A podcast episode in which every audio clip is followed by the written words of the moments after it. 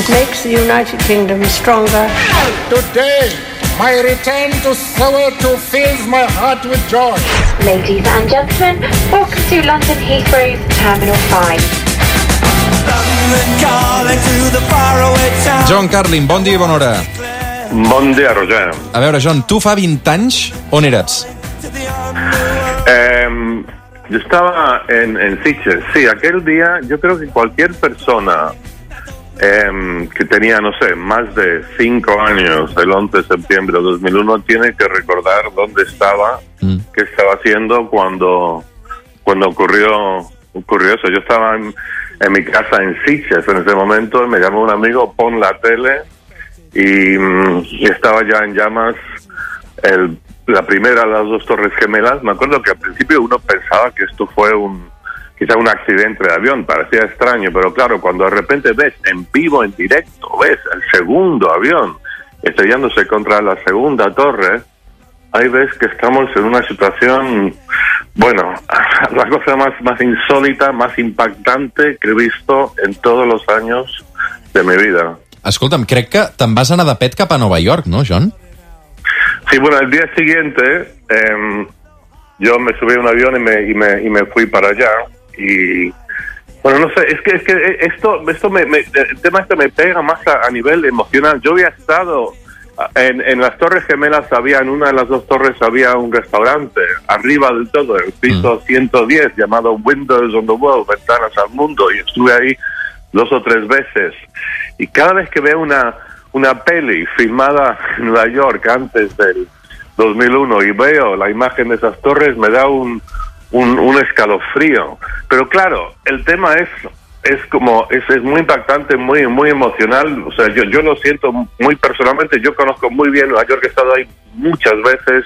Fui la primera vez cuando tenía como 5 o 6 años, pero el impacto que esto ha tenido en el mundo es extraordinario. Murieron casi 3.000 personas Mm. ese día, pero ¿cuántas más personas han muerto, han sufrido horriblemente como consecuencia de esto, ¿no? En las guerras en Irak y en Afganistán. O sea, por ejemplo, el, el atentado de Atocha aquí en, Mm. en España, en Madrid, no hubiera ocurrido si no hubiera ocurrido esto, ¿no?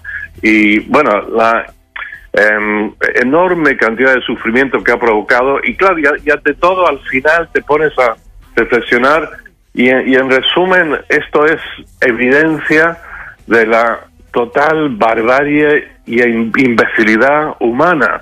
Eh, lo, lo- lo poco evolucionados que somos como especie, pese a tanta tanto internet, inte- inteligencia artificial, lo que tú quieras, es, es como desesperante. Y ahora, claro, el, la, la retirada de las tropas de Afganistán, el gran desastre, la guerra contra el terror ¿no? que provocó. Y ahí seguimos, con terror, con y habrá más terrorismo. Y también otra cosa que es que yo fui, claro, des- el día después me fui Clar, para però, allá. però la, ciutat, volví. la ciutat es va bunkeritzar moltíssim i, i jo recordo que una de les primeres coses que van passar és que es va tancar el trànsit aeri, no? Aleshores, no sé si va ser difícil entrar a Nova York després d'això l'endemà. Sí, pero no, no- bueno, sí, que lo cerraron, pero yo, bueno, no sé si fue el día siguiente o 48 horas después, pero, pero ahí estuve, ahí entré ese día Mm. y, em, bueno, una ciudad, un estado de shock, pero absoluto, era como la situación, era, la- el ambiente era como apo- apocalíptico en, la ciudad de Nueva York. Pero después vol- volví 10 años después para hacer un reportaje para el país y hablé con gente del FBI y de la CIA. Y lo que te das cuenta es que lo fácilmente que podría no haber ocurrido esto. Las cosas del azar en la vida, que nunca le damos el peso suficiente al azar en nuestros análisis de estas cosas.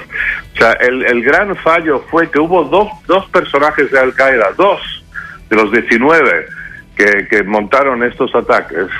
Eh, dos de ellos, la, la CIA los tenía fichados, sabía quién eran, los habían detectado en Malasia, pero por cuestiones de envidias, rivalidades, vanidades entre la CIA y, el, y la FBI, y el FBI se encarga de la seguridad interna, la CIA no le pasó la información de estos dos tipos al FBI y como consecuencia estos dos tipos entraron igual de fácilmente que hubieras entrado yo, tú o yo, un año antes en Estados Unidos. Y después volvieron a entrar eh, unas semanas antes del atentado.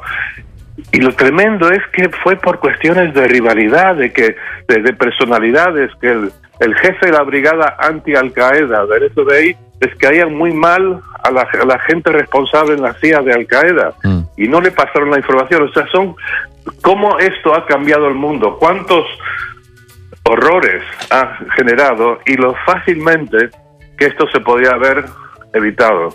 És, eh, bueno, Uh, segurament, una, una de les coses que ha passat aquests últims anys, John, perquè clar, tu ara penses en George Bush, també la manera com es va gestionar, les conseqüències que va Sí. tenir aquell atemptat. Donald Trump ha fet bo George Bush, no? Bueno, es que George Bush, mira, yo creo que, mira, en su momento yo pensé qué barbaridad, van a ir a la guerra contra Afganistán, qué, qué desastre, que fue lo primero, primero fue Afganistán, después Irak. Y pensé, bueno, George Bush, ¿qué estás haciendo? Pero la verdad, pensándolo un poco más fríamente, es inevitable que Estados Unidos no se iba a quedar con los brazos cruzados, que George Bush, hijo, el presidente en ese momento, que iba a, tomar una, una represalia, tenía que hacer algo. Esto era inevitable, no podía estar ahí y decir, bueno, pues mira, mala suerte. Y entonces, bueno, fueron contra Afganistán, que es donde estaba Osama Bin Laden, donde estaba Al Qaeda. Y después, o entró el factor locura y entraron en Irak. Y en la guerra de Irak, que no tuvo nada que, que Saddam Hussein no tuvo nada, nada que ver con estos atentados. Es todo una serie de despropósitos y locuras y cosas personales. O sea, George Bush, hijo, tenía un problema porque su padre, ¿te acuerdas? Hubo la primera guerra contra Irak, la guerra del Golfo. Y que su padre decidió, una vez que, que, que expulsaron a las tropas de Irak, de, de Kuwait, decidió dejarlo y no seguir invadir Irak. Y su hijo pensó siempre que su padre había sido un cobarde y él tenía que compensar eso. Entonces va a Irak. O sea, la, la, la, la- la- secuencia de cosas que esto desencadenó es extraordinaria. John, avui arribarem a les 9 del matí amb una cançó de Blur amb la qual criticaven precisament la guerra de l'Iraq, un dels grups del moment també de fa 20 anys enrere. John Carlin, bona diada, una abraçada ben forta. Bona diada, ciao. Arribem a les 9 del matí, moment en què l'ofrena floral a Rafael Casanova també eh, l'ha de fer doncs, el govern, després vindrà el Parlament, totes les autoritats, i també saludarem de seguida el president d'Òmnium, un dels protagonistes d'avui, Jordi Cuixart també al suplement, també d'aquí una estona Elisenda Pelusier i avui també l'expresidenta del Parlament, Carme Forcadell. Tots els protagonistes passaran per aquest programa que ha arrencat a les 6 del matí i que no s'acabarà fins a altes hores de la matinada, perquè avui programació especial de Catalunya Ràdio aquesta tarda, Laura Rossell i Òscar Fernández i a la nit també Kilian Sabrià, al migdia Gemma Bonet. Ara reprenem el fil.